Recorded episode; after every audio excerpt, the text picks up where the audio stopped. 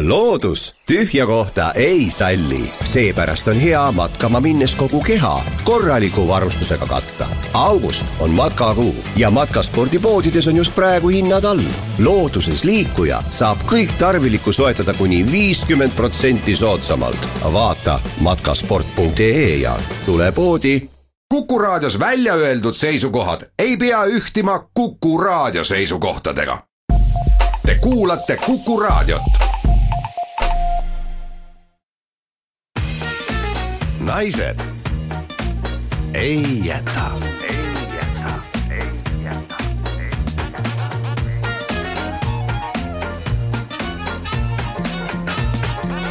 naised ei jäta ja tere hommikust kõikidele meie armsatele vaatajatele-kuulajatele. algamas on spordisaade Naised ei jäta, stuudios on Kristi Kool ja Marit Umelas. Tere, tere, miks spordisaade, sellest õige pea kuulete, aga enne me tahame tänada, nagu me ikka saate alguses teeme, tänada on põhjust, me täname nende toredate kirjade eest.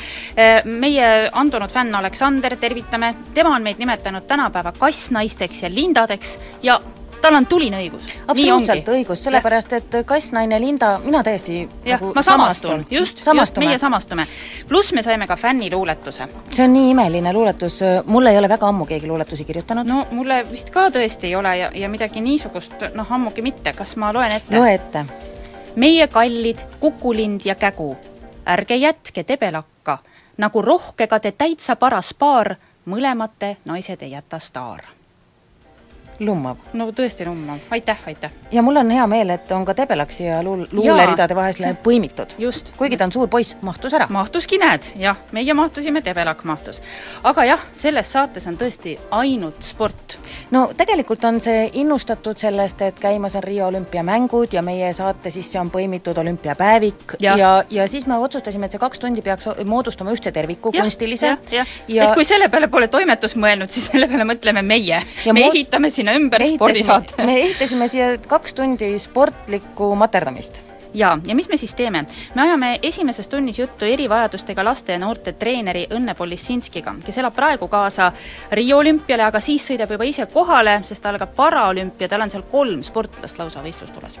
ja siis tulebki kohe olümpiapäevik, mida paraku ei saanud meie teha, ma ei tea, miks küll no äkki pärast tänast saadet? äkki pärast tänast ja. saadet saame teha, teeb seda küll Rein Pärn teises tunnis me läheme füsioterapeudi juurde, sest mul on trauma ja, ja me läheme Stelise erakliiniku füsioterapeudi Indrek Läti juurde, mis siis täpselt juhtus ja kuidas seda ravitakse ja millist abi üldse füsioterapeudi juurest saab, millal tuleks minna, kui kuskilt on valus.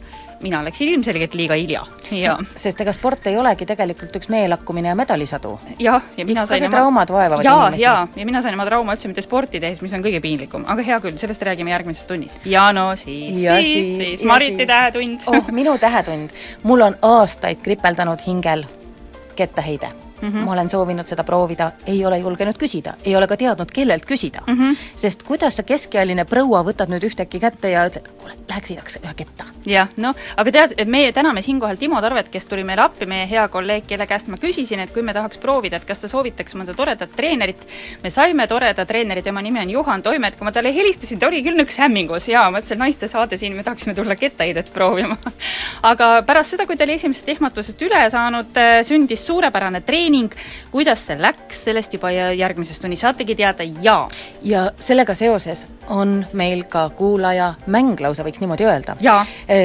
sellele inimesele, kes nüüd kuni kolmveerand kümneni teeb kõige täp-, kolmveerand üheteistkümne lausa, teeb kõige täpsema pakkumise, kui palju ma siis ketast heitsin. sellele on meile välja pakkuda suurepärane auhind.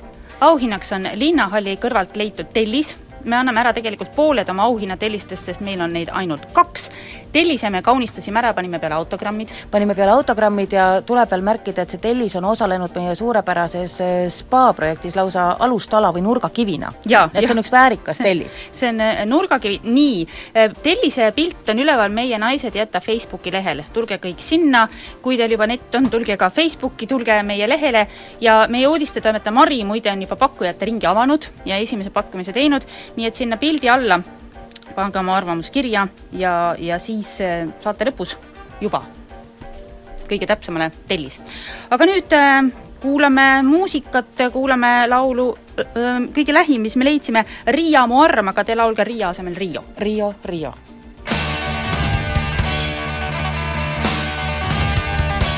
kalletab leht ning tuul on heitlik keerleb rüügimäel. lagunenud trepp, käes. lahkuma kurgusnupp sinna, kus tee varjutab uduloor ja Riia marm. revolutsioon on Läti ning Liivimaa pealinn see prostitutsioon ja pätid ning siiski on pealinn see lahkumaa purgisnutt sinna, kus tee varjutab uduloor ja Riia marm.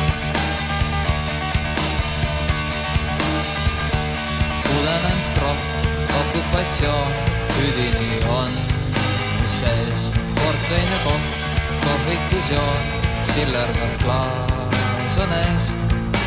lahkema kurgus nutt sinna, kus tee varjutab uduloor ja Riia marm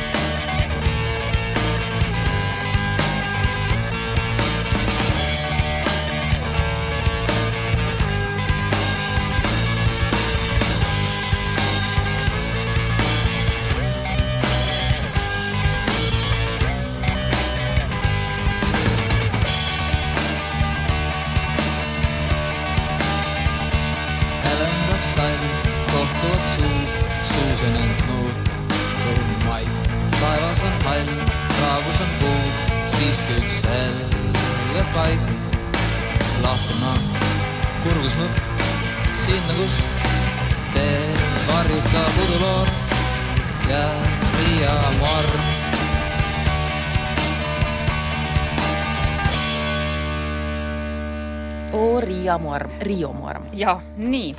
Võtame lehed, äh, Andrus Kivirähk kirjutab Arvajatest ja Arvamusfestivalist ja muide, siinkohal tõesti meie käest on ka juba küsitud, kas me Paidesse läheme Arvamusfestivalile, et ei lähe, sellepärast et äh, Äh, me oleme sellised tegude naised. me oleme rohkem sellised tegude inimesed, me ehitame ketast, me teeme pesakaste. et esiteks, kui sa oled Arvamusfestivalil, sinna ketast heitma nagu sa saad, eks ole. eile kellegi... vaatasin, oli presidendikandidaatide, kandidaatide, kandidaatide debatt ja mitte keegi neist seal ei kudunud, ei vestnud kadakapuus, pani labidaid, noh, kõigil olid käed rüpas. jah, lihtsalt. ja meie teame, rüpes käed on saatana tööriist. ei ole tarvis niisama passida. nii et jaa, tõepoolest, äh, selles osas meie arvamine ühtib Andrus Kivi ei ühti ei ühti. ei, ei, ei ühti, ma, Allar Jõks kuulis seda nalja, me loodame, et ta seda enam ei tee ja äh, ja ühesõnaga, me oleme selles osas nõus, me oleme nõus Andrus Kivirahaga, kes ütleb, et äh, temal on arvamisega viimasel ajal kehvad lood ja juba ainuüksi see sõna ajab närvi. inimesed ei peaks rohkem nii palju arvama, vaid teadma ja ta ütleb, et tal on väga sümpaatsed hot dogi ostjad, nemad ei arva, vaid teavad, et soovivad oma kabanossi sinepiga, mitte ketšupi või majoneesiga. see on hästi hea, sest inimene teab, kas ta sööb sibulat, ei söö sibulat, tahad seda mm -hmm. teist kolm, kuigi mina olen kabanossi osas väga, väga võhik, alati mult küsitakse keerulisi sõnu, kui ma kord aastas Statoilist võtan mingi vorstiga saia, siis ma isegi ei tea, mida, mida need tähendavad, need asjad, mida mult küsitakse. oi, aga, aga mul tuli seoses selle eilse debatiga veel meelde see, et tegelikult mõnes mõttes oli kõige targem Mart Helme, kes eh, vaata, tegi teo enne ära, korraldas suuremat Korra, sorti rahvakogunemise rahva. jaa, see oli ja. täiesti ametlik rahvakogunemine, sellepärast et isegi politsei fikseeris ju selle nagu viie auto kohtumise ja, ära ja, ja, ja, pärast seda sai rahuliku südamega minna Arvamusfestivalile ja, ja siis arvata ja lasta siis niimoodi teovõimel hetkeks puhata. super, väga hea. minu käes on Järva Teataja, täna ma leidsin, et Järva Teataja on minu lemmikleht. lase käia. sest siin on kaks väga olulist teemat, mis meid kõnetavad, kõigepealt äh, meie president Toomas Hendrik Ilves küsib, kas kuu on tehtud juustust no., esikaanel, ja ma võin öelda, et ei ei ole jah? ei ole tegelikult, et, et selles osas on nüüd süda rahul. ja sellest oli päris pikk artikkel. pikk artikkel on, aga hoopis olulisem artikkel, mille ma leidsin ja kuula nüüd rahulikult. teleekraanilt tuntud kassipojad ootavad uut kodu nii. ja tegemist on naabriplika sarjast tuntud kass Kitty, kes Esna bussijaama trio kõrval aeg-ajalt ekraaniaega sai, naudib juba kolmandat nädalat ema rõõme vot selline ilus sündmus on toimunud, et keegi kass kass poegis? kass on poeginud. üks kass on poeginud? üks kass on poeginud ja siin on pikemalt kirjutatud sellest ka, et Esna teemaja omanik äh, täpsustas, et kass kuulub küll ühele külamehele no., kuid otsustas millegipärast sel korral pojad ilmale tuua teemajas. no veits mugavam võib-olla. ja, ja Kitil kes on saanud ka hellitusnime Emmeline, tal on sündinud viis poega Aha. ja on veel täpsustamata, mitu on emased ja mitu on isased ja ainult ühele kassipojale on huviline ja nüüd on, kuna Kitty on nüüdseks käinud ka operatsioonil, siis on tegu viimase võimalusega bussijaama seltskonna mitteametliku neljanda liikme järeltulija endale koju võtta. Kasutage juhust, inimesed, see oli kõik nii keeruline, aga et on keegi veel... bussijaamas sünnitanud kass, kellel on pojad ja viimane võimalus, sest seda kassi on näidatud telekas mulle tegelikult tõesti, ma tahtsingi öelda, see on tüüpiline, kas keegi kassi ei taha kuulutus, mida võid, võid sa leida no kust tahes. aga need inimesed olid palju peenemalt selle asja niimoodi korraldanud ja, ja noh, sul jääb alati teadmine, et see on mingisugune kuulsa kassi poeg, eks ju. ühesõnaga, kui sul on kass ja, ja sellel kassil on kogemata pojad, siis kirjutad see kassi, seda kassi on näidatud näiteks AK-s, ükskord oli kui seal veel... uudistes. aga samas vaata, inimesed võivad järele tahta, aga noh, nüüd on ju vaata igal pool need teleuudised on üsna avalikult, eks ole, sageli nad kuskil kassi... rannas jookseb kiirelt kass kaenlas kaadrist läbi, eks ole, enne kui ta poegima hakkab. Või ka pärast poegemist. pärast poegemist, ega keegi ei saa ju täpselt aru, kui sa kiiresti jooksed. ah, minu kass on olnud raadios ainult et tema küll ei poegi enam, võin ma kohe siitkohalt ka öelda, et me käisime kahjuks ära enne arstid, jah. täiesti mõttetu, sa magasid täielikult hea reklaamivõimaluse maha. ta on nii vana loom ka juba. midagi, midagi ei ole teha. muide, praegu ma vaatan aknast välja, vihma sajab ja väljas on kolmteist koma üheksa kraadi, nii et mida sellest arvata? mida sellest arvata, mina arvan, et väga tark on meist olla siin soojas stuudios mitte, mitte me võime siin oma, oma arvamusfestivali või tegelikult meil käimas arvamisfestival, et palju ma heitsin ketast. just, proovige ära arvata, palju heitis Marit esimese, elu esimese heitega ketast, arvamusi on juba tulnud, arvamisi. ja kella kolmveerand üheteistkümneni on aega. Aga nüüd juba õige varsti ajame juttu ühe väga-väga toreda ja tubli naisega, kelle nimi on Õnne Polissinski ja kes treenib erivajadusega inimesi naised ei jäta.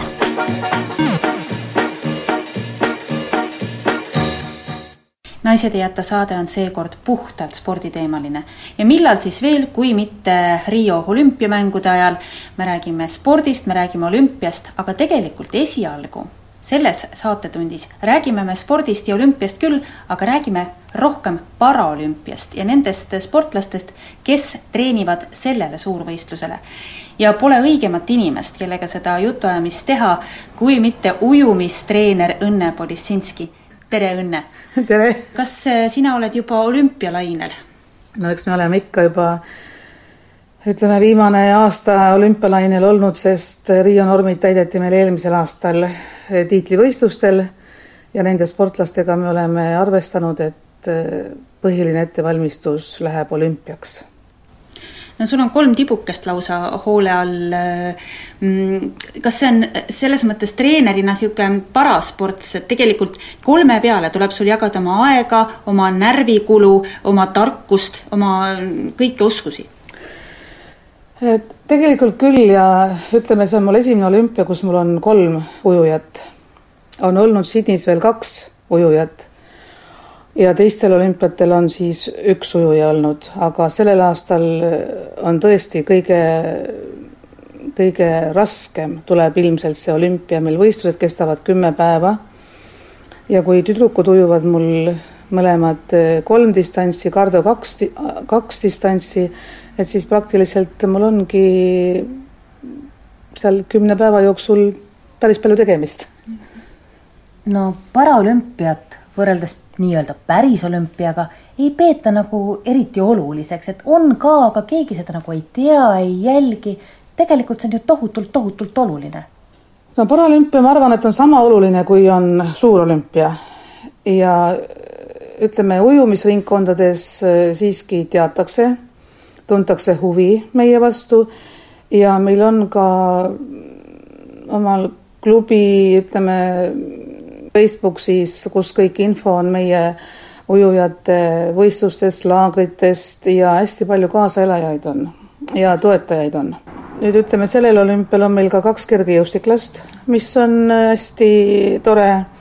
ja kusjuures üks noormees on esimest korda paralümpial, ta on liikumispuudega sportlaste klassis ja no Sirli Tiik on intellektipuudega sportlaste klassis, tema on niisugune vana kala juba mm. -hmm.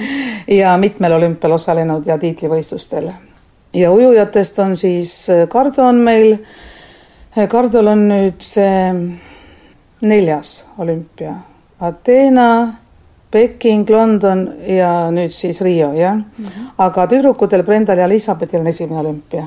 Kas erivajadustega noorte treenimine erineb millegi poolest nii-öelda tavasportlase treenimisest? no põhimõtteliselt äh,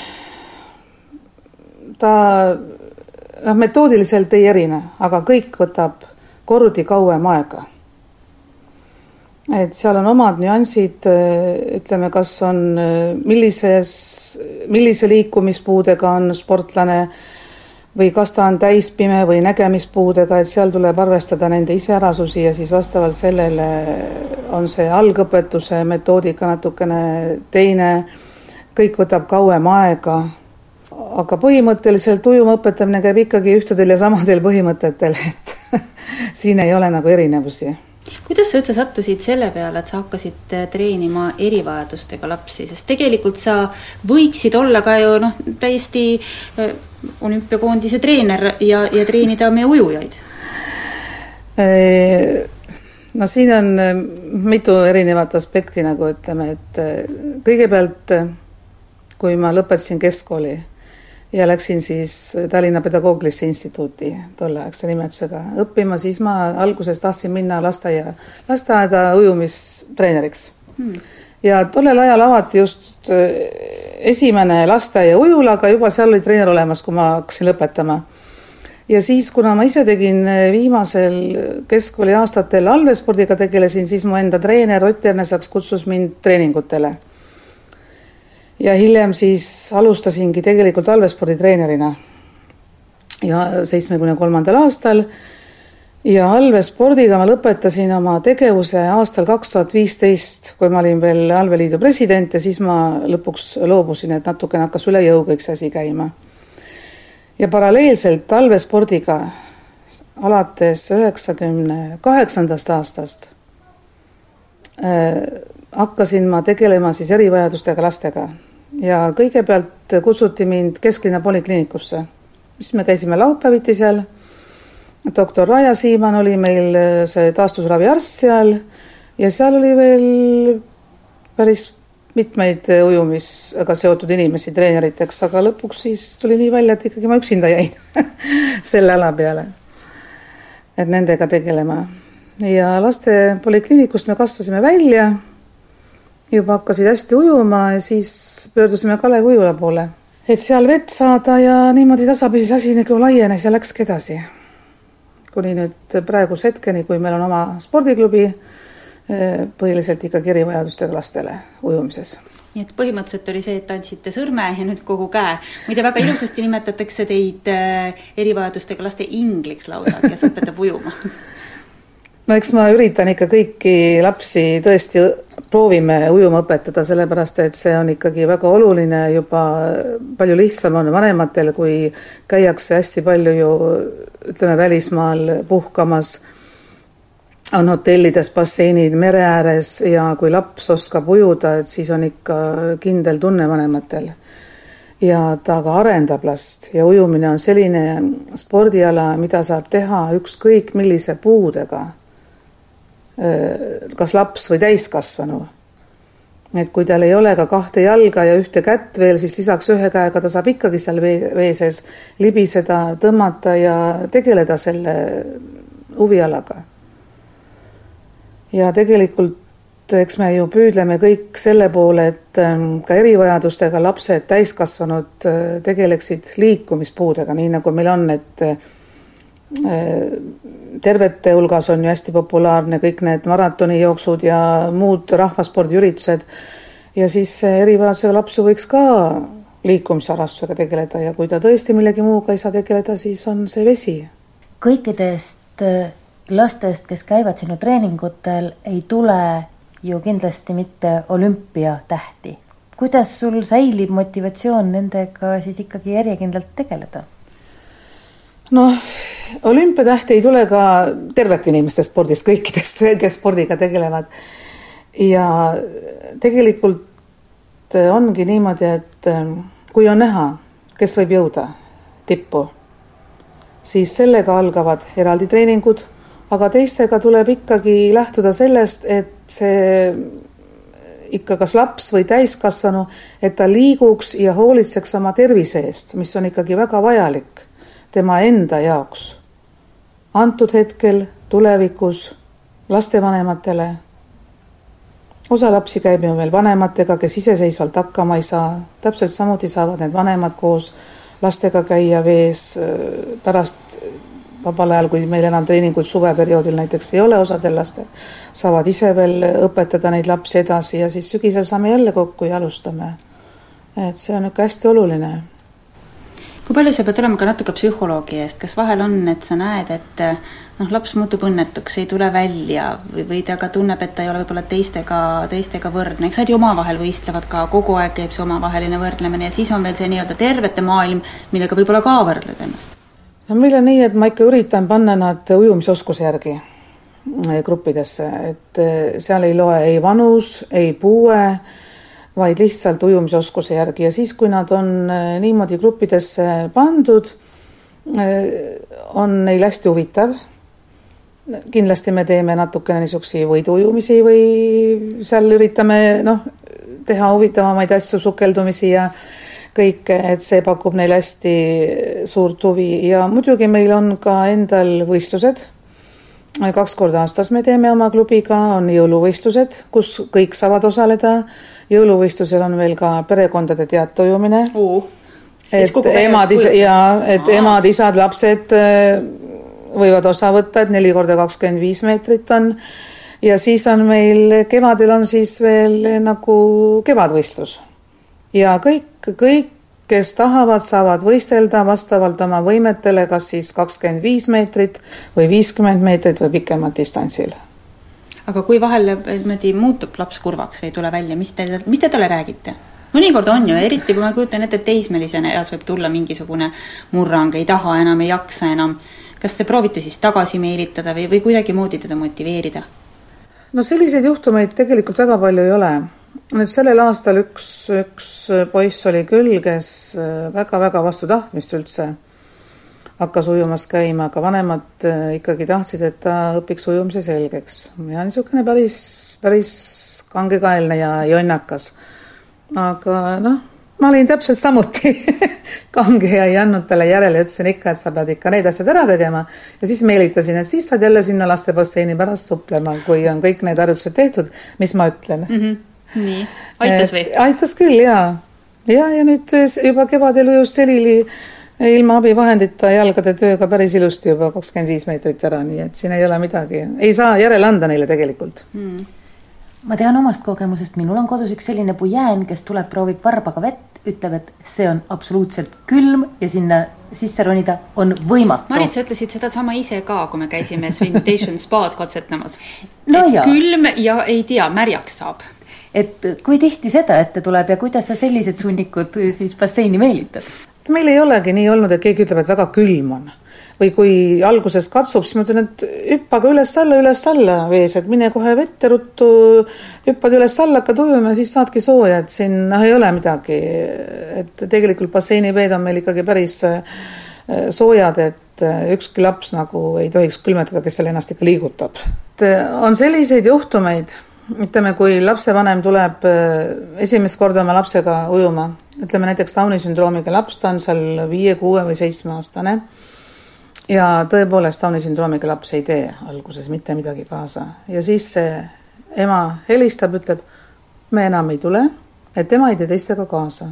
siis ma olen küsinud, et aga kas ta koolis või lasteaias teeb teistega kõiki asju kaasa, et mõelge natukene ja on olnud juhuseid, kus ei tuldagi enam. et laps lihtsalt niisama seisab basseinis, aga ta võibki seista seal üks kuu, kaks kuud, aasta ja siis ta hakkab tegema teiste järgi, sest taunid on ju ka väga erineva tasemega noh, intellekti tasemega.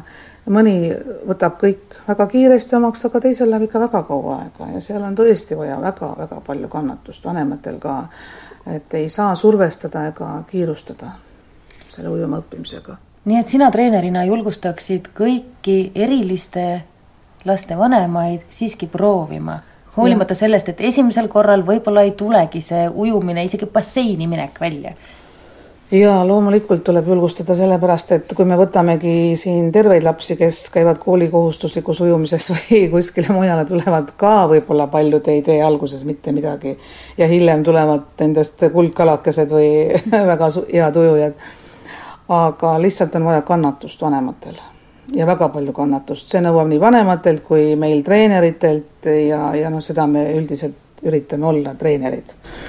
Kas sa oled ikka täiesti nagu ise õppija nende erivajadustega lastega või oled sa saanud mingisugust toetust või koolitusi ka, kuidas tulla toime sellega, selle inimesega, kes räägib viipekeeles, kuidas aidata pimedat, kuidas ennast teha selgeks just nimelt äh, psüühilise erivajadusega inimesele?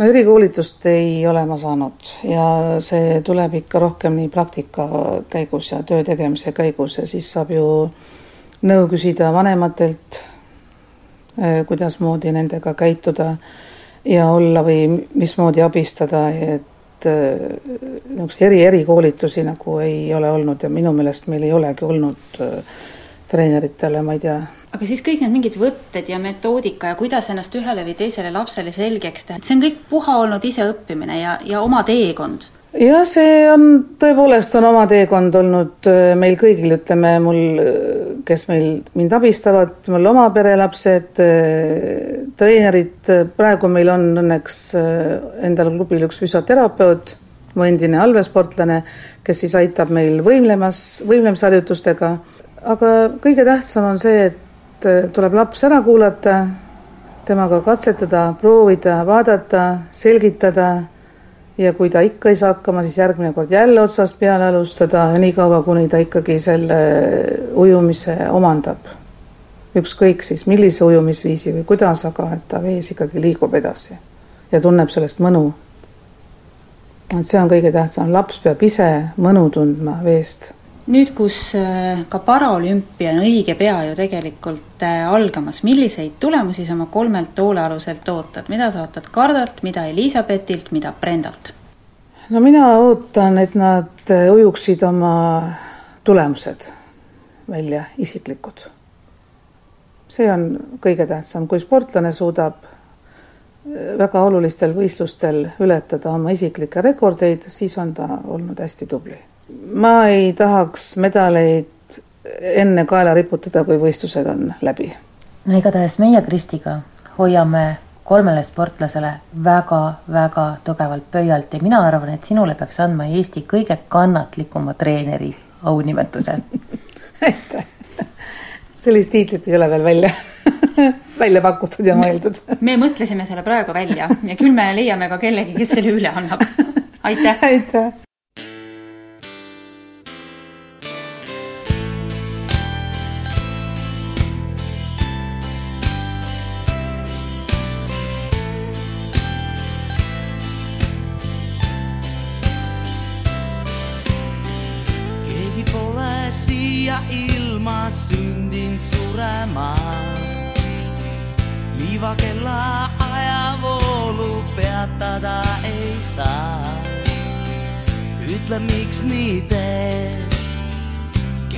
Eest põgened,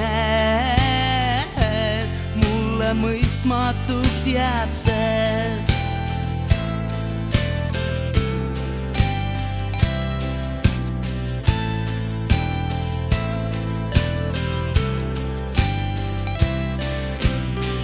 keegi pole siia ilma sündinud ootama. armastust ei vaja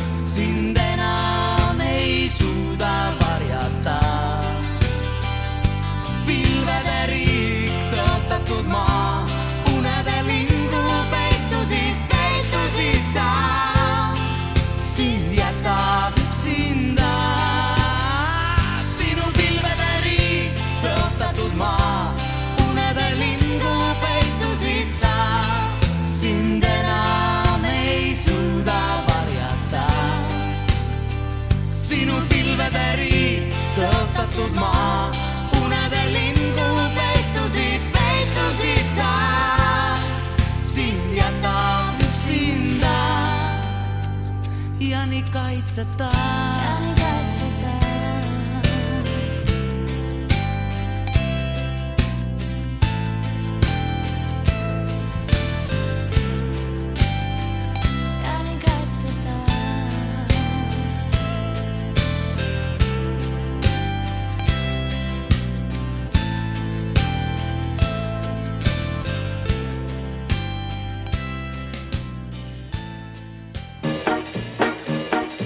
Naised ei jäta.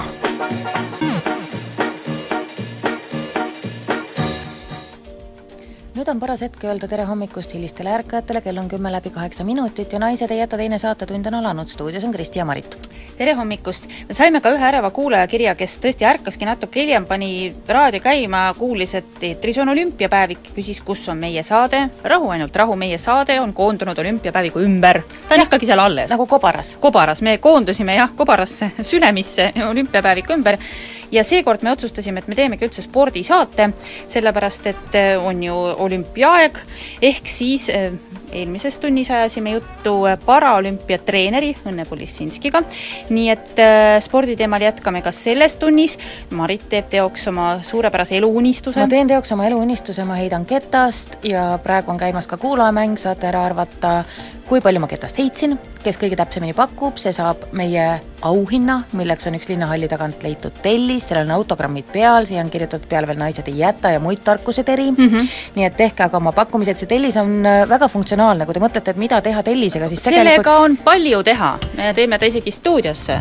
kuulete, koliseb. raske, raske on ta, seda saab kasutada millegi alla vajutamiseks, näiteks kapsaste. kapsaste hapendamiseks, sest me ei saanud meelelahutusauhinna seda klaasmuna ja kui on nüüd vaja kapsaid hapendada, siis tellis. Vajutist. vajutist Te- kapsa kapsa vajutist. vajutiseks, siis ta kõlbab uksestopperiks. uksetõke. kui tuul hakkab tõmbama, täna on selline tuuline jahe ilm, kui hakkab lappama, siis on hea panna tellis ukse vahele. just, ja vaata, alati soovitatakse, kui te olete õues ja teil on nagu paberid laua peal, et pange sinna kivike peale, näed, mul oleks praegu võimalik panna kivikese paberite peale ja tuul ei ajaks neid pabereid üldse ära. tuul ei ole pabereid ära, kui sa hakkad luuletama, näiteks alati on väga romantiline aias luuletad ja siis on hunnik pabereid ja siis tuleb tuul ja viib su luule Jah. ära, ei, Ei, tellis ei, ei peale ja täna hommikul ma kasutasin seda tellist ka väga sihtotstarbeliselt, sest et hommikul kell seitse tühjas linnas tuli mulle vastu üks väga üksildane seadiku, oled näinud seadiku? ei ole. ta on selline pikk nälkjas, no niisugune pastaka suurune nälkjas, ta oli täiesti üksildane ja teda üritas rünnata üks rästas, aga mul oli ju tellis kaasas. noh, lõid rästa vigaseks ei, ma peletasin, see oli nagu see seateo juurest rästa peleti linn, on... linnupeletiks linnupeletiks kõlbab väga hästi see tellis, ma olen proovinud täna hommikul kell seitse, proovisin ära. pärast seda, kui te olete tükk aega lindu peletanud selle tellisega, te heidate ketast nagu nalja, ma arvan. sips ja sops. jaa, aga nüüd äh, jätkame saatega ja me läheme füsioterapeudi juurde, õieti on siin asja minul ja saate ka teada, miks mina täna ketast heita ei saa. naised ei jäta naised ei jäta üks saatejuht nimega Kristi on praegu pikali maas, täiesti siruli ja äh, noor tugev mees oma tugevate kätega mudib minu kätt. ja sellel kõigel on väga pikk eellugu. selles tegelikult olen mina veidi süüdi, sest jah. Äh, oli kaunis sügispäev Mm -hmm. me käisime tõenäoliselt ilumessil või kusagil, noh, see oli oktoobris. jah, või novembris. Äh, sõitsime autoga, mina ütlesin Kristile, et ole hea, anna palun tagapingi pealt mu käekott mm. -hmm. ja teate, mis selgub, et kui tagapingi pealt käekotti anda, siis võib juhtuda selline asi, nagu juhtus minuga, võtsin selle koti, kott osutus raskemaks, kui ma oskasin seda arvata, niimoodi käsi kaudu ma selle võtsin ja käis korraga üks selline, ei käinud krõks, ei käinud, aga ühesõnaga sain korraks teravalt haiget, tundsin, et oi, õlas nüüd midagi või kuskilt seal käsivarres midagi nihkus või kuidagi oli halb, noh, ja unustasin selle siis ära, andsin sulle koti ja, ja nii jäigi see see, see käsi mul valutama, valutas äh, või noh, ei valutanud, aga andis tunda kuni maini, kui ma siis lõpuks läksin perearsti juurde, kes saatis mu füsioterapeudile.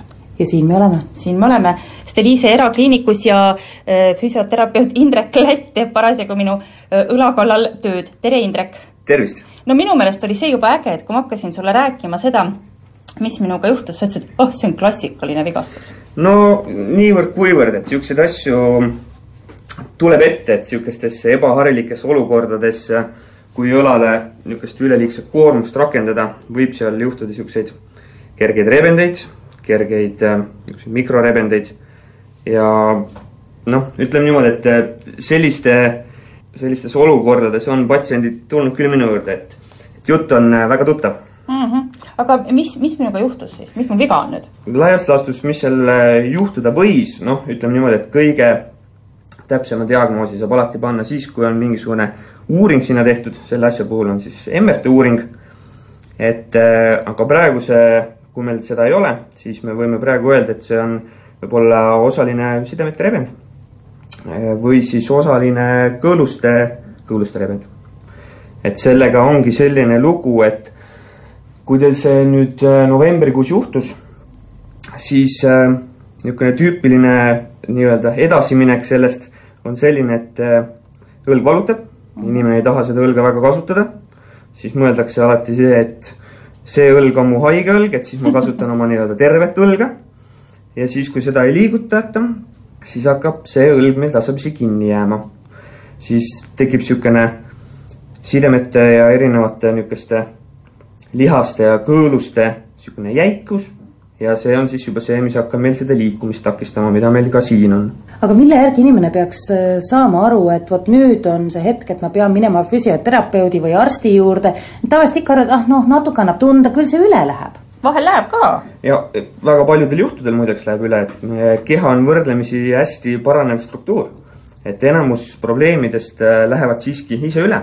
et seal tuleb vähekene lihtsalt aega anda, natukene liigutada, et selle asja juures ongi kõige tähtsam just see, et äh, et ei jääks seisma.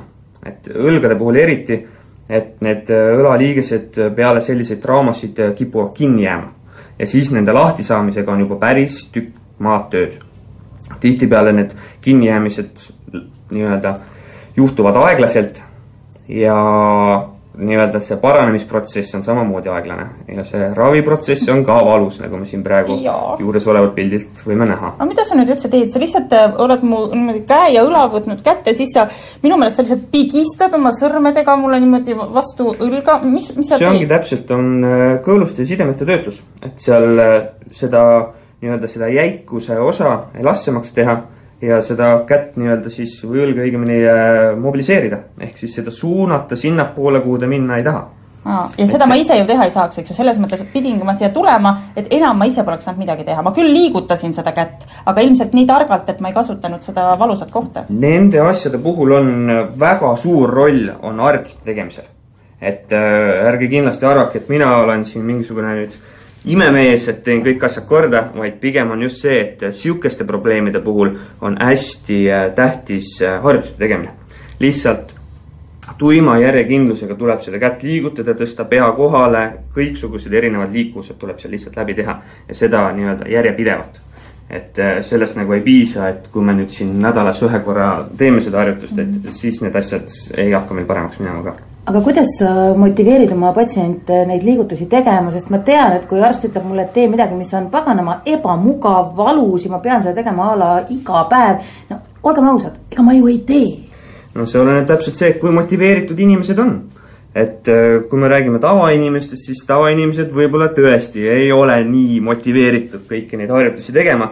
kui me räägime jälle sportlastest, kelle keha on neile nagu töövahendiks, siis äh, nemad on oluliselt rohkem motiveeritud, et äh, sealt tulebki nii-öelda läbirääkimiste kaudu need asjad nii-öelda mm. toimima panna, et ähm, noh, mida me oleme ka näinud, on see, et inimestel ei ole mõtet anda äh, viisteist, kakskümmend erinevat harjutust, sellepärast et noh, see võtab väga palju aega, et ära, ära neid harjutusi kõiki teha. tuleks valida vähe neid harjutusi, neli-viis väga head harjutust. Kas on olemas mingid äh, sellised traumad, mis on tüüpilised naistele ja mingid, mis on tüüpilised meestele või sellised traumad ei vali üldse sugu ega vanust? koristustraumad näiteks? noh, ütleme, et väga ikkagi ei ole, et on väga palju äh, ikkagi sarnaseid asju, et äh, kui mingisugused väga spetsiifilised, mingisugune naistetööd on, aga seda meil nagu tänapäeval ka enam nagu ei ole, siis seal võib olla mingisuguseid erinevusi, aga noh, laias laastus ei saaks öelda. aga millised on üldse need olmetraumad? Noh, lisaks sellele käekoti võtmise traumale. kui me räägime näiteks praegu, et praegu on suvine aeg, siis mm -hmm. ütleme niimoodi, et äh, igasuguseid suvilates ähm, toimetamisi ja suuri kraavi kaevamisi on, esineb kindlasti rohkem. toome näiteks näite, et, et inimene teeb kaheksast viieni tavaliselt kontoris tööd, istub Aha. laua taga ja siis ähm, suurt mingisugust sporti, liikumist ei tee. ja siis lasen natukene siit järgi. Ja, ja siis äh, tuleb puhkuseaeg, siis minnakse suvilasse ja siis on vaja üks äh, läbi õue üks suur kraav kaevata mm -hmm. ja siis seda tehakse neli-viis päeva jutti. ja siis tihtipeale võivad niisugused seljavalud ja need esile tulla, eelkõige just sellepärast, et see on harjumatu koormus. kui inimene ei ole harjunud niisugust tööd tegema, siis seal tekib väga kiiresti ülekoormussündroomid. et see ongi niisugune, osad asjad on niisugused hooajalised, samamoodi ka ütleme niimoodi, et äh, kukkumised, noh, sellised äh, kukkumised tihtipeale esinevad ka libedaga, et siis nagu sellised kukkumised on jälle, on jälle talvel. EMO-arstid oskavad rääkida, et kui on libedad ajad, siis tulevad seal vanemad naisterahvad, kes kukuvad oma puusaliigesed siis katki näiteks, reialukaelasid katki. see oleneb, see on teinekord hoo, hooajaline tihtipeale aga on see seotud noh, vanusega ka võiks ju öelda, et jah, et et pigem vajavad vanemad inimesed teie abi, kuigi mul on üks tuttav noor neiu, minust tubli kümme aastat noorem ja tema käib ka füsioterapeudi juures, sest temal on ka selg kuidagi kõver või mingisugune häda tal igal juhul on. no ütleme niimoodi, et kell on meil praegu siin kuskil üksteist, selle aja peale on mul käinud üks kümneaastane poiss, üks äh, seitsmekümneaastane proua ja peale lõunat nüüd tuleb mul üks äh, korvpallur on noori, vanasid, aktiivseid, mitteaktiivseid, et ei saaks öelda, et seal on nagu üks kindel kontingent, kes käib. et äh, ütleme niimoodi, et äh, hästi kiiru rahvas käib. aga mis on laste põhimurad siis, kas need on elustiili asjad, millega me kokku puutume? osad on elustiili asjad, teised on treeningutega seotud, igapäevaste tegevustega, noh, ütleme niimoodi, et inimesed, kes kontoritööga tegelevad, neil on tihtipeale õlavöötme probleemid, et seal tihtipeale piisab mõnest äh, harjutusest ja natukene tooli laua kõrguse sättimisest ja ongi asjad juba vähekene paremad. liikumine on põhiline asi, mis neid asju nii-öelda kontrolli all hoiab, et see, see inimkeha on võrdlemisi rohkem liikuma mõeldud kui istuma, et see istumine on niisugune asi, mida tänapäeval on väga palju, aga noh, ütleme, et igast halvast asjast saab nii-öelda võimalikult parima nagu, nagu variandi siis teha, eelkõige siis ringi liikudes kontoris, ähm, sättides oma lauditool õigele kõrgusele, oma seljatugi õigeks, et need on niisugused asjad, mida saab ise teha ja sellega vaevusi oluliselt leevendada kas ma saan siis läbi lillede aru, et selle asemel, et öelda inimestele, et ära rapsi, saad trauma, ütled sa, et liigu parem iga päev, siis ei tule see trauma nii kergelt? jah, võib nii öelda küll. Et see ongi, et mille pärast tekivad siuksed äh, väga paljud on sellised ühekordsed äh, ülekoormused, millega keha ei ole lihtsalt harjunud mm. -hmm. et äh, noh, siin on suvine aeg jälle, jooksjad näiteks on sellised inimesed, kes suvel jooksevad väga tublisti, võtavad kõikidest ähm, rahvaspordiüritustest osa ja suve lõpuks teevad ühe väikse maratoni ka veel. aga siis, kui lumi tuleb maha, siis noh, kui tuleb lumi maha, siis suusatame, aga kui lumi maha ei tule, siis ei teegi midagi. et noh, et siis see ongi nagu niimoodi, et pool aastat oleme tublid sportlased ja pool aastat siis istume diivani peal. et noh, seal võivad samamoodi siuksed ülekoormussündroomid seal seal kevadel ja suve alguse poole esineda nojah, seda ma võin küll omast kogemusest öelda, et, et kui sa füsioterapeudile tuled, et noh, ilmselgelt noh, sa oled sunnitud haiget tegema natukene. kuigi sa ütled mulle ka alati, et oi, kui on ikka väga valus, siis ütle kohe ei, eks ju mm.. aga noh, ei saa nüüd öelda, et ma lihtsalt istun siin ja tukun samal ajal, kui käsi on sinu käes, et noh, see on paratamatu. see oleneb, mida tehakse mm. -hmm. osad asjad on valusad, teised asjad ei ole valusad, et ma proovin ka alati nagu äh, niimoodi tööd teha, et oleks äh, kasu asjast ja nagu inimesel nagu väga hirmus ei oleks siin olla. tuleb leida niisugune õige surve, terapeutiline surve, et patsiendile väga palju liiga ei teeks ja asjast oleks kasu no mina võin tegelikult öelda ka seda, et, et kui on see seanss läbi, siis haige käsi mul ikkagi sel päeval vähemalt on kuidagi selline noh, pehmem ja, ja, ja liigub paremini ka. seal on eelkõige vaja seda, et need tulemused oleksid pikaajalised no,. see, et, et ta järgmine päev või ülejärgmine päev on hea, see on küll väga hea ja tore, aga eelkõige on just tähtis, et see läheks nagu paremaks ja paremaks, paremaks, liikumist tuleks juurde, valu läheks vähemaks. ja see on ka samamoodi, kuidas kunagi, osad inimesed, kellega ma siin tööd teen, neil võib isegi võib-olla järgmine päev, järgmised kaks-kolm päeva isegi kehvem olla seda ma ka tihtipeale nagu ma olen ka teile öelnud, et, et äh, võib niisugune variant olla, et äh, käsi on natukene kehvem. aga noh, seda tuleb alati inimestele nagu öelda. et siis nad oskavad äh, nende asjadega arvestada, et, et kaks-kolm päeva on okei okay,, kui on vähekene kehvem, aga siis, kui ta niisugune nädalakene ja sealt juba edasi on, et siis juba pean mina oma nii-öelda tööasjad üle vaatama, et kas mingisuguseid asju siis muutma aga mingi progress on olnud või ma olen siin kolmas kord nüüd, kas on parem ka või? jaa, iseenesest on no.. eelkõige liikuvuse koha pealt on parem ja teie enda ütluste koha pealt, et kui ta on igapäevaelus, on vähem valus, siis äh, see ongi selle asja eesmärk. nagu ma ka ütlesin, siis nagu teie puhul selle liigesliikuvuse uuesti taastamine, noh, ütleme niimoodi, et äh, kõikidest nendest liigutustest, mis meil õlas praegu on, on meil umbes pool kõikidest puudu nii et äh, see on niisugune aegavõttev protsess, et noh, mis niisuguseid asju võib ka mõjutada, kus oleks võib-olla pidanud natukene teistmoodi tegema, on see, et äh, vähekene varem siiski võtma ühendust või kuskilt abi otsima või ise liigutama või mõne treeneriga kooskõlastama mingisuguseid asju. et, äh, et kui noh, novembrikuus need asjad meil juhtusid, oli, eks ole mm. -hmm ja siis meie saime vist kokku aprillikuu keskel mm. -hmm. et sellest on nagu päris niisugune võrdlemisi pikk vahe sees, et siis on niisugust liigesjäikust juba päris palju tekkinud.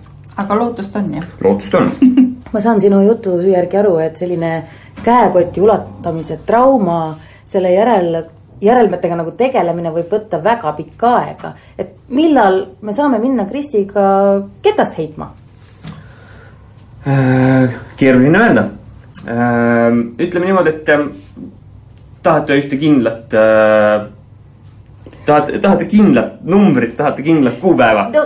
poolteist aastat oh,. ma ei saa poolteist aastat ketta. mina lootsin Rio olümpiale minna, eks ju, sinuga jääb ära no,. see ongi see, et kui te nõuate mult mingit kindlat äh, aega, siis ma ütlen poolteist aastat. siis on, see on õige vastus. kindel värk vähemalt. see on kindel värk. poolteist aastat ja siis on kindel värk, et see asi peaks olema okei okay.. ja, aga noh, loomulikult nagu sa ütlesid, et äh, mõistlik liigutamine ja, ja ma olen ikkagi trenni teinud neid asju, mis mu käele sobivad mm. -hmm. et see on ikkagi ju lubatud. just, loomulikult, et noh, ma räägin, et selle õlaga ma praegu mingisuguseid suuri piiranguid ei sea. et kui noh te tõesti tahate nagu kuhugi ketast minna heitma, siis me võib-olla nagu, võib-olla me peaksime rääkima sel teemal.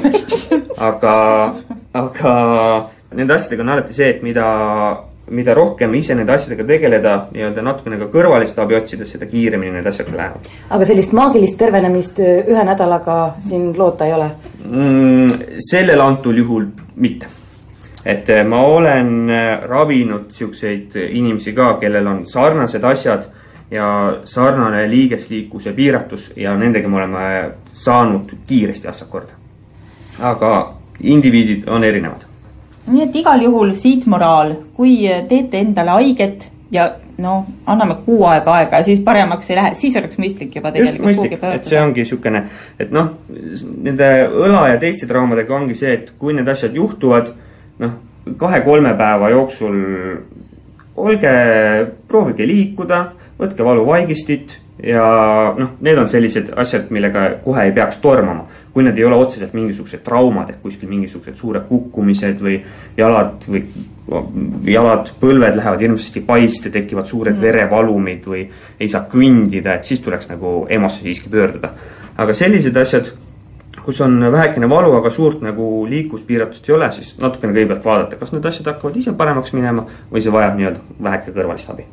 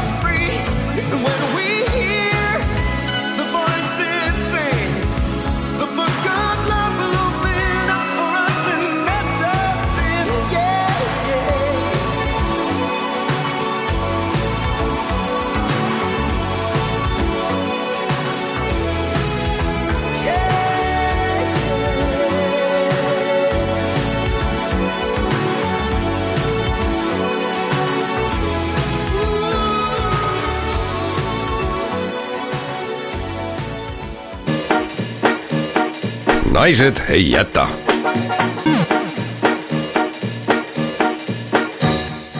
kettaheide on üks minu lemmikala.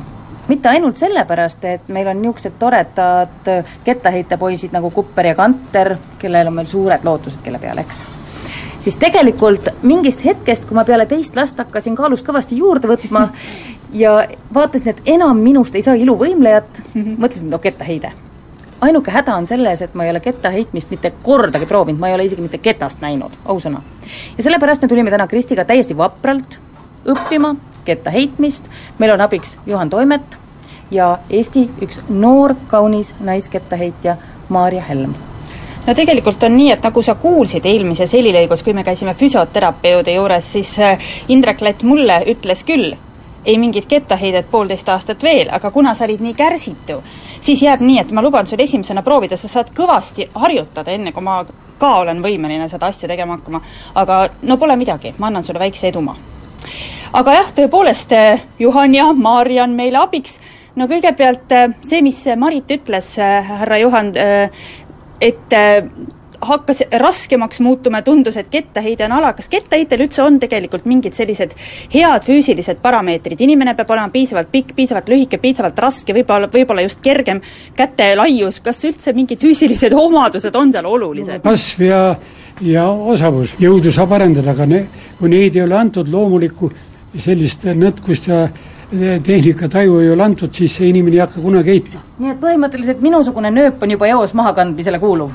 No, ma seisan siin Maarja kõrval. ei, ega võib teha rahvasporti küll, aga kuskile ei jõua aga rahvasport on ka väga hea? rahvasport on väga hea, ega si-, minu eesmärk ongi see, oma õpilastele viia nad eh, lihtsalt eh, kas või läbi rahvaspordi selleni, et nad sporti armastavad ja elus edasi jooksid no kui võtame ette, ette võrdluseks mõne teise kergejõustikualaga, on ta keskmisest keerulisem või, või lihtsam, noh, jooksuga on selles mõttes hea, et inimene üldiselt ikka teab, kuidas joostakse, eks ju. võib-olla küll vale tehnikaga, aga ta vähemalt saab minema. mina olen mitmevõistlustreener olnud, kõiki alasid õpetanud, kõiki alasid tunnen, ma ütlen, kettaheide on üks kõige keerulisemaid alasid. palju õnne, Marit! Aga mis teeb selle kettaheite keeruliseks, sest kui ma vaatan teda telekas, siis ma tean, tuleb mees, võtab ketta, noh vahel tuleb ka naine, võtab ketta, sülitab ketta peale, siis tiirutab, keerutab, röögatab ja heidab. aga see ongi see tiirutamine, ongi see keeruline. ebaloomulik liikumine, inimene ei tee seda ja sa pead olema tasakaalus, noh. kogu aeg jala peal püsima tasakaal, nii kui sa natukene puusa ära lased või ette vajud, kohe kõik tasakaalust välja. seal on tähtsad need heiteteljed vaata aru, mille ümber inimene tiirleb, see oleks paigas. aga kui sa selle ära murrad, siis ei saa ju kuidagi noh, heide sisse minna. see on see raske. siin on vaja tugevaid kerelihaseid, jah?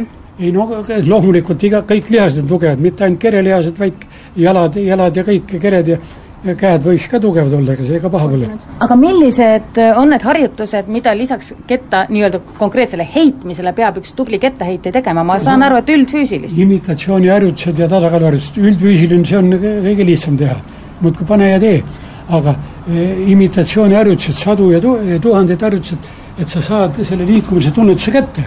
ja kui sa seda kätte ei saa, siis ei tule mitte midagi välja Nonii, no mida te üldse oskate meile nüüd öelda, kui inimene tuleb esimesse tundi, kas talle ketta võib täna üldse kätte anda või? ei, siis võib küll, aga esialgu peab õppima ketast veeretama. ahsaa, hakkame teiega sellega just, väga hea. kui palju üldse ketas kaalub no,? naiste omal kilone või? naiste ketas kaalub üks kilo, meeste ketas on kaks kilo. nii et tegelikult ta nagu ei ole väga raske, toidukott on palju raskem. no ega toidukotti ei heida ka keegi ja kui heidad, siis hästi lähedale. jah, diivanile. muidu jääd toidust ilma nii ta on, nii ta on. no oled sa siis valmis? meil on, meil on hea see, et Maarja saab sulle kogu aeg ette näidata, kuidas on õige. jah, kas peaaegu õige, jah. peaaegu õige. treener on sul karm, jah? ikka õiendab küll kogu aeg. õiendab jah, ütleb vahel lähen ikka võrgu taha, et ta mulle liiga palju õiendan, et viska pihta siis et muidu viskab mulle kätte, aga tead. kuulge, nali naljaks, aga minu meelest see on täiesti reaalne, minusugusele kobakäpale, kelle tasakaal on suhteliselt null, anda ketas kätte, see võib kellelegi pihta minna. kas võibki või on mind-? on, on ju muidugi, kogu aeg see oht.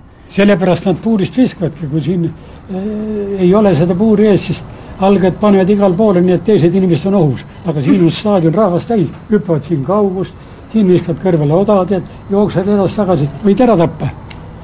vot nii, Marit, ole siis ettevaatlik, veereta kõigepealt. ja siin on neid juhuseid küll olnud, kus ketast tuleb ohtlikult lähedale ma võin kõigi Seina julgustuseks Palta pidi ükskord kätega pihta saama, kas sina viskasid või? ei ole, ei ole, Lemps viskas. üks, üks, mul on üks veteran maailmameister ka, Lembit Talmsepp, see viskas, no sellel läks kogemata vale koha peale ja Xenia hüppas siin kaugust ja lendas siit ümber nurga täpselt Xeniast mööda. olümpialootus ära vigastanud. ma võin teie kõigi julgustuseks öelda, et juba kooli ajal viskasin ma ka tennispalli heal juhul kaksteist meetrit, nii et mitte mingit ohtu ei ole. kaksteist meetrit on väga raske visata, nii vähe ei saagi visata. saab, saab. no nii, aga lähme välja, hakkame proovima no.. naised ei jäta. oi sõbrad-sõbrad, mina mõtlesin välja, miks kettaheitjad olümpiamängudel ei räägi mitte midagi. heitmise ajal või? heitmise ajal, jaa. jah, sellepärast, et reporter ei julge neile makiga ligi minna. meil juhtus täpselt sama lugu. Läksime staadioni peale, võtsime ketta ja millegipärast hakkas Kristi kohe minust distantsi hoidma. ma hoidsin sinust eemale jah, ja, ja, samal ajal ma pidin eemal hoidma ka treenerist, siis ma kuulnud jälle, kuidas sind juhendati, nii et ole hea, nüüd sa kiiresti anna äh, selline algajatele kettaheite kursus. sa alustasid, ma võin niimoodi visuaali järgi ja mälu järgi kirjeldada, kirjeldada, sa alustasid ketta veeretamisega mööda maad. kõigepealt ma alustasin ketta valikust. õigus. selle sa valisid äh, tütarlapsel oli jah. kaasas mitmeid erinevaid kettaid, nad kõik kaalusid ühe kilo, ma tegelikult arvasin, et ketas on raskem, sest ta jätab nagu jube sellise juraka, noh nagu triikraud, eks Ei, ju ei, ole, ketas on kilone mm, -hmm. nagu kilo suhkrut, ainuke asi, et ta on lapik. ketta ma valisin loomulikult värvi järgi mm. -hmm. mul oli meelepärane sinine. noh, sinine on ilus värv. tegelikult ma sain heita ka rohelist ja valget ketast. aga no, sinine läks ikka kõige paremini sinine läks kõige paremini, aga kõigepealt äh, ma ei tohtinud teda kusagile visata, öeldi, et veereta mm. -hmm. mõtled, et mis see veeretamine on? noh, ei ole see nii lihtne. tead, niimoodi võtta õigesti kätte ja siis veeretada võrgu suunas, siis kui ma olin paar korda teda veeretanud, lubati juba, et viska ülespoole, aga niimoodi vastu võrku, me seisime paar meetrit võrgust eemal ja viskasin siis niimoodi sipsti võrgu pihta, mõned korrad lendas, mõnikord äh, ei lennanud. asja mõte oli, et ta niimoodi sirgelt serv ees lendaks, mitte ei laperdaks selle õhu jaa jaa, et ta lendaks ilusasti nagu serv ees. ja siis, kui ma olin teda loopinud juba vastu võrku, siis tohtisin ma minna muruplatsi veerekese peale ja juba niimoodi lihtsalt vibutades, ei mingeid tiire, ei mingeid pöördeid mm, -hmm. lihtsalt heita teda muru peale, ma pakun, ma heitsin mõned meetrid kindlasti. ja kõigepealt alati, esimesena tegi alati ette kettaheitja Maarja Helm, kes pani niimoodi sulle märgid maha. tema pani mulle märgid maha, temale ütles treener esiti, et äh, ole hea, et ära heida, lihtsalt lase käest lahti ja mm -hmm. siis Maarjal libises ketast käest lahti niimoodi mõnikümmend meetrit mm. -hmm. Minul öö, libises ka ketas käest lahti, hea, et jala peale ei libisenud, lendas meeter või kaks. kusjuures olud olid tegelikult rasked, see oli ka üks rasked. põhjus, miks meil oli väga keeruline staadionil lindistamist jätkata, sest puhus meeleolukas kõva tuul. väga kõva tuul oli. jah, mis teatud suundadest võib olla kettaheitjale abiks, nagu ütles treener Juhan Toimet, aga seekord oli ta halvast suunast ja see ei olnud sulle mitte abiks. see ei olnud mulle abiks, ma arvan, et sellel hetkel, kui Maarja heitis, tuulesuund ootamatult pöördus. jaa, muidugi. see vahel juhtub niimoodi jaa., et nii kui mina võtsin ketta, siis oli tohutu vastutuul ja nii kui mm -hmm. Maarja võttis ketta, siis oli väga suur pärituul. Pärituul, väga pärituul oli, sellepärast et Maarja heitis ikka nii kaugele, et et mulle kohati tundus, et ta heidab öö, toidupoe taha selle ketta ja peame kõik koos otsima minema. aga siis lubati sind juba ringi, tegelikult mis asja, sa olid seal platsi peal ju umbes pool tundi ja sa juba jõudsidki sinna äh, ringi võrgu sisse ja tegid juba selle keerutustega, aga miks sul see keerutus nii hästi välja tuli? No ma olen kunagi uisutanud. vaat sulle. vot, ja, ja siis tuli välja, et tegelikult kettaheitel on väga palju ühist balletiga. nii. jaa, et tuleb teha selliseid galantseid nõtkeid pöördeid, ainuke eksimus, mida ma lakkamatult tegin, oli lõpus, kui heidad ketast, siis mul ikka kipub tulema niisugune kaunis pöiasirutus. Aa. kettaheites ei tohi. ei mingit kaunist Ei. pöias, ei pääsukest ei tehta ei, pääsukest lõpus ei tehta, kuigi mulle väga sobiks selline galantne või daamilik uh. -huh. Pääsukesega kettaheide. jah, aga mina arvan, et kuna noh, ega võib-olla, ma ei tea, kas seal antakse mingeid stiilipunkte ka, et, et kas pääsuka keelatakse siis päris võistlemine ära või kuidas, samas noh, vist see jalg tegelikult äh, otseselt võib-olla keelatud ei ole, aga, aga me, mulle meenub küll, ma küsisin treeneri käest järele, ta ütles, et tegelikult see jalatõstet takistab.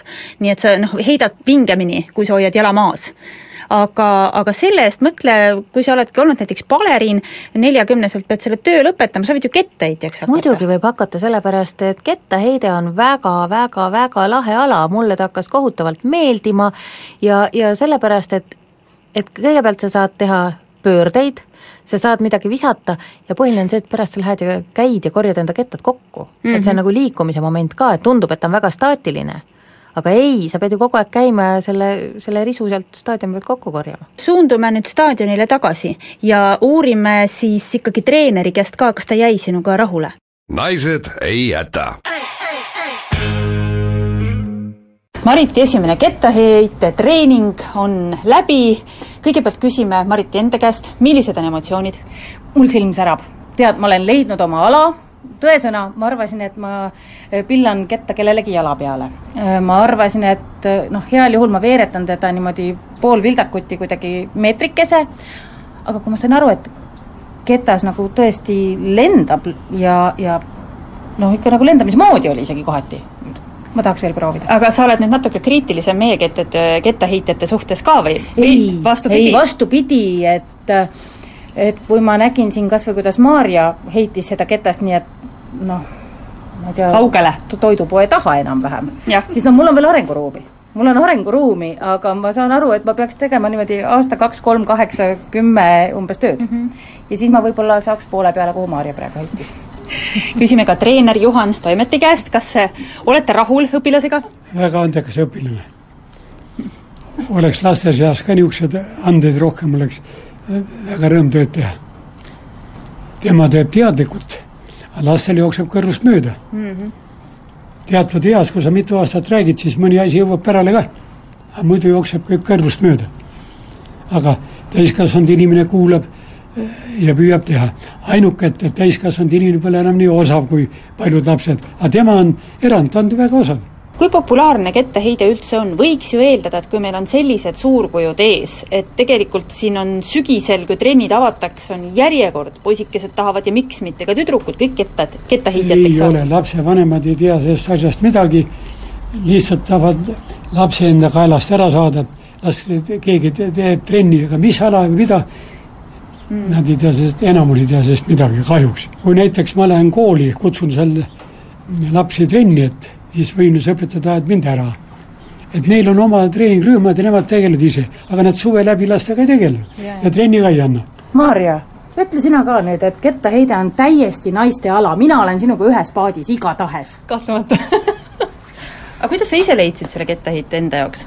oi äh no ütleme nii, et niisugune esimene kokkupuude oli gümnaasiumis, et äh, kümnendas klassis äh, kehalise kasvatuse õpetaja tuli tüdrukute juurde, et nii, tüdrukud, meil on vaja ühte augutäidet, et on koolidevaheline üle-eestiline võistlus, et ketaskuul, kes läheb tegema, no siis ma mõtlesin, et oi, et vaba päeva saab koolist, et no miks mitte no sa enne polnud proovinudki või no,? ei olnud ja siis ma läksin, ma olin seal viimane, ma vist viskasin mingi kakskümmend meetrit äkki või, tavaliste äh, jooksutossudega, mul on muidu spetsiaalsed mm. -hmm. ja siis kuidagi jäin hoopis poistetreenerile, jäin, jäin silma, et siis harjutasin minu arust äh, kas äkki kolm või mingi talve, talvekuud seal arv-, harjutasin ja siis läksin aasta pärast, oli uuesti oli nagu see võistlus. ja siis ma võitsin ära selle, siis ma viskasin juba kolmkümmend viis meetrit. Nii et ma talvel viskasingi vastu seina, ma tegingi ainult eh, tehnikat ja siis selle pealt nagu tuligi juurde, siis ma hakkasingi tegelema ja ja siis minu arust ütleme, kevadel siis viskasin kolmkümmend viis meetrit ja suve lõpuks, kui olid Eesti täiskasvanute meistrivõistlused, siis ma viskasin kolmkümmend üheksa midagi, pea, peaaegu nelikümmend meetrit. millegipärast kiputakse arvama, et kettaheide on selliste väga tammiste tihedate tüdrukute ala, et sa pead olema noh, suur nagu karu ja siis puratama silma, vaatan, sa oled imeilus, kaunis gasellikene. ütle naistele, et see kettaheide ei tee naisele mitte midagi halba, ainult head teeb. kindlasti ei tee, et selle jaoks peab sööma, ma arvan, mingeid kapsikesi, et, et muutuda selliseks suureks kolliks, et noh ütleme, kui seda ei tee, siis ei ole lootustki, naisterahvastel kindlasti ei ole lootust. Vene ajal said dopingud, siis läksidki suureks ja jämedaks ja hakkasid mehe häälega rääkima mm. -hmm. nii et nüüd äh, Eestis on see välistatud. palju teil üldse tüdrukuid veel käe all on lisaks Maarjale? noh, on ikka seal mõned, aga need on niisugused, suvel ei taha trenni teha. mul on rohkem poisid ja veteranid ja üliõpilased ja noh, niisugused noh, igasuguseid kui nüüd kuulsin sõna veteranid, kas tegelikult on võimalik ka, et kui mõni meie eas daam mm. mõtleb täpselt samamoodi nagu meie, et oh, kurja, ma tahaksin tõesti proovida ketast heita, kas see üldse on võimalik? on küll, aga peab tahtmist olema ja otsima üles inimese, kes viitsib sinuga tegeleda. mis sinu see unistuste rekord on, on sul endale pe- paika pandud ka, Maarja, et ma tahaksin mingiks perioodiks noh, vot seda tulemust saada? selle aasta viiskümmend. No selle aasta viiskümmend. siis edasi, vaatame, mis edasi saab. et inimene käib tööl ja tal on vaja noh, elatist teenida, ega see pole nii lihtne. et pe- peab üldse inimesel tänulik olema, kes töö kõrvalt viitsib sporti teha, trennis käia veel. enamus üle lõpetavad kooli ära, ega see Audentesega on ka niimoodi, lõpetavad siin ära kaksteist klass, kolm neljandikku jätab spordi järgi sest siin on head tingimused, siin saab teha, pärast pead ise hakkama vaatama, kuidas sa oma eluga hakkama saad, elukutsega õppima, sest peab tööl käima. ja siis löövad käega. võib-olla läheb kümme aastat mööda, mõni hakkab jälle tegema, tunneb, et kõht hakkab ette tulema või enam ei jõua liikuda, siis hakkab, hakkab jälle uuesti sporti tegema, otsib üles. see on väga tore. -hmm. mul on paljud õpilased olnud üks. nii et on väga häid näiteid on niisugused. no igatahes, nagu me aru saame, hilja ei ole kunagi, proovima peab tervis püsib korras. vähemalt kehakultuuri peab kogu aeg tegema, surmani. selge, aitäh, treener Juhan Toimet, aitäh, Maarja Helm, me jääme sulle pöialt hoidma, et kunagi, kui tuleb mõni olümpia, äkki, äkki on meil lausa oma isiklik tuttav kettaheitja seal ja see ei ole Marit.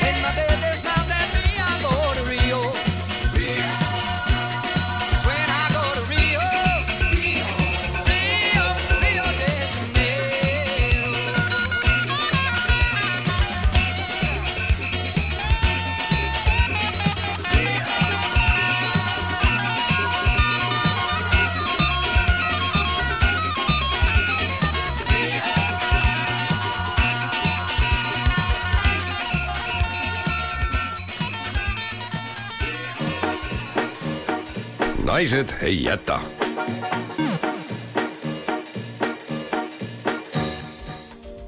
Nonii, meie spordisaade hakkab tasapisi Hakkab, läbi jah. saama ja läbi on saanud ka meie äraarvamise mäng.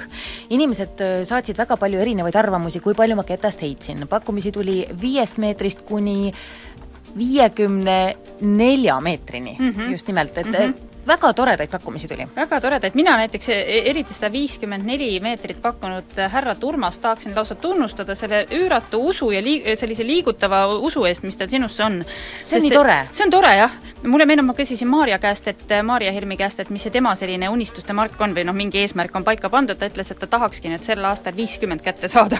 nii et sul on see juba nagu käes. Eesti, Eesti äh, vist äh, tippmark on kuuekümne, naiste oma vähemalt on kuuekümne kolme ish kuskil sinnakanti, ma täpselt ei tea, paraku ma olen alles alustanud selle Ja, ja, alaga, ja. nii et ma ei ole veel kõiki neid tulemusi pähe õppinud aga kui nüüd siin vaadata, siis on, on äh, selliseid täiesti mööda pakkumisi, on lähemale pakkumisi ja üks pakkumine on täiesti, täiesti nagu Peaaegu. Tõesti. ja ütleme nüüd ausalt välja, et mina heitsin ketast esimeses trennis, mis kestis ligi pool tundi, viskasin, heitsin, heitsin, heitsin ketast, treener mõõtis ära viisteist ja pool meetrit. just, ja muide, see on täiesti äh, okei okay, esimese tunni tulemus, et, et äh, nii see umbes lähebki. ja see on ka veel hea, et näiteks selles trennis tuli välja, et mul on isiklik tippmark, sest varem mul ei olnud seda. see on sul nüüd isiklik, siit saad sa minna nüüd ainult Siit on äh, ainult edasi. ja nagu kuuldi kuulda oli, et tegelikult annet sul ju selle jaoks on, et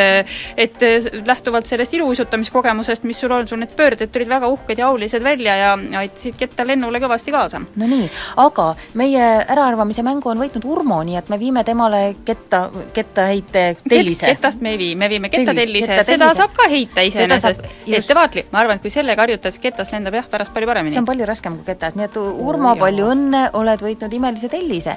ja muideks, armas rahvas, me panime üles ka video oma Jaa. Facebooki lehele sellest, kuidas meie kettaheitetreeningud äh, välja nägid, nii et kes ei usu, vaadake, oma silm on kuningas. vaadake, sealt näete Maarjat, näete meie toredat äh, treenerit ja, ja ühesõnaga Facebookiga tasub liituda, sest meil on hästi palju asju seal üldse praegu üleval, on pildialbumid, tellist näeb, näeb, kuidas äh, te terapeut minuga maadleb ja, ja siis näeb videot ja ühesõnaga vaatamist on palju, tulge meie lehele. ja, ja meie lehel juba daamid hõiskavad super, Eesti on saanud uue EH Rünne, noh, meil on seda rõõm kuulda, ma arvan küll, et peetakse silmas Maarjat. Ei, ma ei tea, äkki peavad ikka sind, sest tegelikult noh, kui sa nüüd tõesti väga tahaks, no küta seda ketast ja tõesti, nagu ütles äh, äh, tore treener Juhan, et rahvaspordina ja, ja, pisut noh, siis juba küpsemas eas, noh, sa võid ju täiesti ilma teha siis, no mine proovi. ma lähen proovin ja täna muideks äh, meie kettaheitjad ka proovivad Rios. jaa, jaa, see ongi põhjus, miks me ka kuskile kaugele minna ei saa, sest me tahame telekat vaadata. nii et äh, me ei lähe ei Viru folgile, kuhu te võite minna, ei lähe me Paide Arvamusfestivalile, muide Keskpäevatund läheb sealt eetrisse, nii et me võime stuudiosse täna kauemaks jääda, siia ei tule kedagi. ahaa, me võime siin har- harjutada tellisega ja, ja hakata neid räime praadima, mida me oleme ammu, ammu mõelnud, et võiks teha. mulle meeldib kõige rohkem selline ettevõtmine, kuhu me rahulikult jõuaksime, sest see kella, kestab kella kaheteistkümnest kuueteistkümneni täna Tallinna kesklinnas Lembitu pargis, see on Välisministeeriumi taga, toimub kitsepäev. oi. jaa. Mis seal tehakse? kitsepäev ja eesmärgiks on maaelu ja talutoodete tutvustamine pealinlastele. et siis Välisministeeriumi taga on kitsed ja neile tutvustatakse ei, ma arvan, et kitsedele ei tutvusta midagi, inimestele tutvustatakse kitsi, noh et kes ei tea, mina teeks selle ürituse niimoodi kahepoolselt, et eh, linnarahvale tutvustatakse kitsi ja siis samas kitsedel peaks ju ka olema mingi kasu sees, et näiteks viiakse neid ekskursioonile Välisministeeriumisse, tutvustatakse seal erinevaid vaid noh, oleks ju, vaata, kui sa oleksid kits No. sind lihtsalt eh, keset linna parki, no ja siis, mis Oi, sul oi, sellest oi. kasu on? sa võid saada stressi sellest bussisõidust, aga ma ei tea, kas tuuakse kitsed bussiga? ei tea, ei tea, seda teab härra Repinski, tema vist seda kitsepäeva veab ju. tema on eh, see, selles osas pädev mees, teab, kui ta kitse kasvatada, nii et eh, aga ei noh, loomulikult ilm on muidugi üsna niru kitsepäeva pidamiseks, et et jah Hea peremees oma kitse välja välja ei ajaks ausalt öeldes, jah, loodetavasti on kitsedel ikka mingi katus pea kohal. muide, hästi tore on see Arvamusfestivali täna üks ettevõtmine ka, see algab kell pool viis. Päästeamet on seal kohal, neil on lausa kaks arutelu, nad räägivad ähm, loomulikult äh, ennetustööst ja sellest, kuidas muuta kodu ohutumaks, aga inimestel on võimalus endale sealt saada viimse päeva konserv. Ahaa, ma kujutan ette, et see on selline ilus äh, plekkkarp, sellepärast et kui on viimne päev, siis ikka nagu metall, eks? no vast metall jah. ja siis on selline etikett on pealt, viimse päeva konserv, mis seal sees on? seal on konserv see on mis seal on? ja peal on äh, Päästeameti soovituslik äh, koduse olukorra, hädaolukorra valu, et see konserv peab sul olema kodus lisaks patareidele, küünaltele ja mis kõik need asjad on, mis peaksid olema. ma siinsamas loen, et äh, neid konserve jagub ainult saja viiekümnele soovijale, et nii et kui me hakkame praegu siit minema, see asi toimub Paides, seal on väga palju rahvast, ilm on kesine. Ja, ja samal ajal veel toimub ka see kettaheite finaal, et siis mul tekib teatav selline dilemma, et kas nüüd Kuhu kitsepäev, kuhu minna, sellepärast Jah. et tegelikult konservi saab ka kindlasti heita. muidugi saab, muidugi saab. ma ei tea, kui raske ta ainult on, et no jah, ei saab ikka heita, aga, aga mm, ah, tead, pole hullu, konservi saab poest ka lõppude lõpuks, ma ei tea, kas ta nüüd nii kaua säilib, et viimse päevani välja, aga oh, küll pannakse tänapäeval sisse igasuguseid asju ju vaata. jaa, aga helendama, seda saab kasutada valgusallikana. jah, jah, ja ongi küünal ja kõik ühes isikus. jaa, siis on hea. kuule, mul on nüüd süda rahul, aga igal juhul, et kes tahab, minge konservi järele, kes tahab, minge kitsepäevale, Arvamusfestivalile, on väga palju kohti, kus tantsitakse, lauldakse, lüüakse trummi, nii et kindlasti igas maakonnas, igas külas leiab midagi, millega tegeleda kaunil sügisesel päeval. jaa, no Viru folgist on ka natuke kahju, ikka tore, kui selline vabaõhu suur kontsert ja siis võiks ju olla päike ja, ja, ja rõõmus ilm, aga no võib-olla seal Käsmu pool on lugu parem. äkki on parem? äkki on parem, saate lõpuks me võiksime kuulata ühe, ühe toreda noorte poiste bändi Ukerdajad loomingut. jaa, see on natukene peaaegu nagu kettaheitest, see lugu. õrnalt oh, on väikseid vihjeid. igal juhul on see heiteteemaline lugu, tegemist on Rakverest pärit äh, noorte poistega, kes Viru folgil esimest korda, kui nad seal käisid, lihtsalt tänava ääres niimoodi ennast maha sättisid ja musitseerima hakkasid ja hiljem neil läks nii hästi, et minu meelest juba, hiljem on neil juba lava ka olnud. jaa, ja nad on ennast musitseerinud ka meie hinge. absoluutselt, ja loomulikult seda laulu ka Kährikupüük. soovime ilusat äh, nädalavahetuse jätku ja no seda võime lubada, et järgmisel laupäeval kohtume. nägemist Kohtumiseni. ja kuulmiseni.